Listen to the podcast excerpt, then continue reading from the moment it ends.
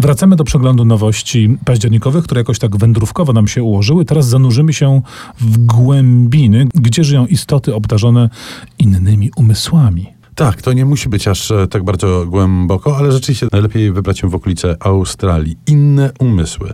Ośmiornice i prapoczątki świadomości to książka, która właśnie się ukazała. Autorem jej jest Peter Godfrey Smith.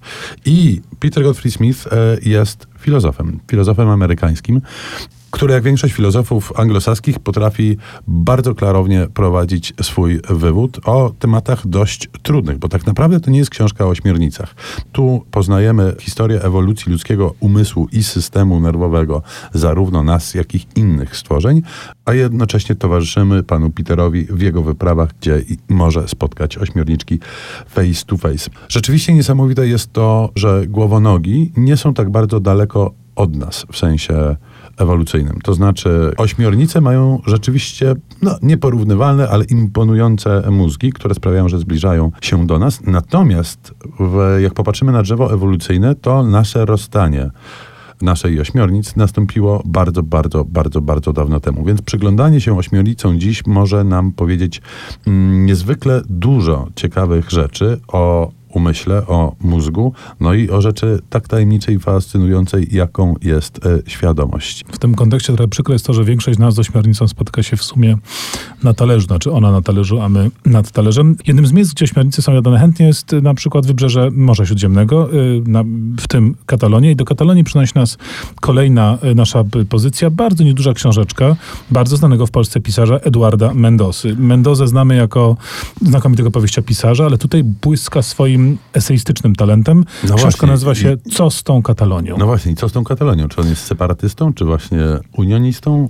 Nie no, z, Mendozą katalończycy mają dość duży problem od dawna, bo on jest y, chyba największym piewcą współczesnym Barcelony, ale zarazem opiewają w języku kastylijskim, hiszpańskim. Nie pisze prozy po katalońsku i jednak dość często krytycznie odnosił się do pomysłu separacji, ale to nie jest książka, która zabiera taki jasny głos mówiący zróbmy to, czy nie róbmy tego, czy tamtego.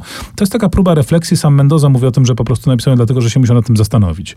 Więc jest to taka refleksja nad tym, czym w ogóle jest Katalonia, skąd się w ogóle kwestia katalońska wzięła, jak wyglądała wcześniej, i na tych 70 czy niewielu w każdym razie stronach y, Mendoza kreśli taki bardzo osobisty, ale bardzo kompetentny, co tu dużo mówić, obraz y, Katalonii i jej dziejów, który nie podoba się nikomu, czyli ani y, katalońscy separatyści, ani przeciwnicy katalońskiego separatyzmu nie odnajdują się do końca w tej książce, co pewnie świadczy o jej wartości. Na pewno bardzo ciekawie porządkuje myśli, na pewno daje interesujące tropy w temacie, no który tak, czyli... chwilowo medialnie przygasł, ale na pewno jeszcze wróci.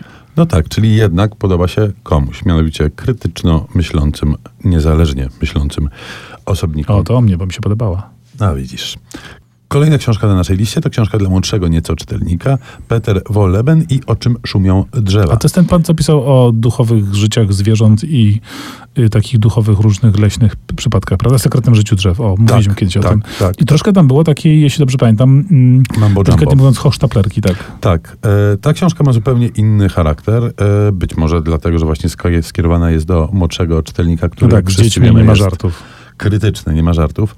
E, zilustrowała tę książkę, e, e, tylko dodajmy, Diana Karpowicz i jest to tak naprawdę fajnie zaprojektowany podręcznik. Otóż autor jest leśnikiem, który od 20 przeszło lat dzieci po lesie oprowadza i ewidentnie widać, że wie, co dzieci interesuje, co one chcą usłyszeć i jakie pytania mogą zadać.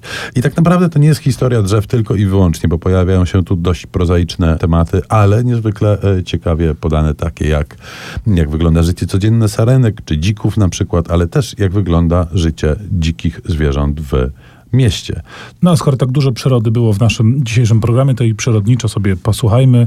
Hans Zimmer, y, z muzyka z serialu Błękitna Planeta, będzie taki kawałek z delfinami, z surfującymi delfinami.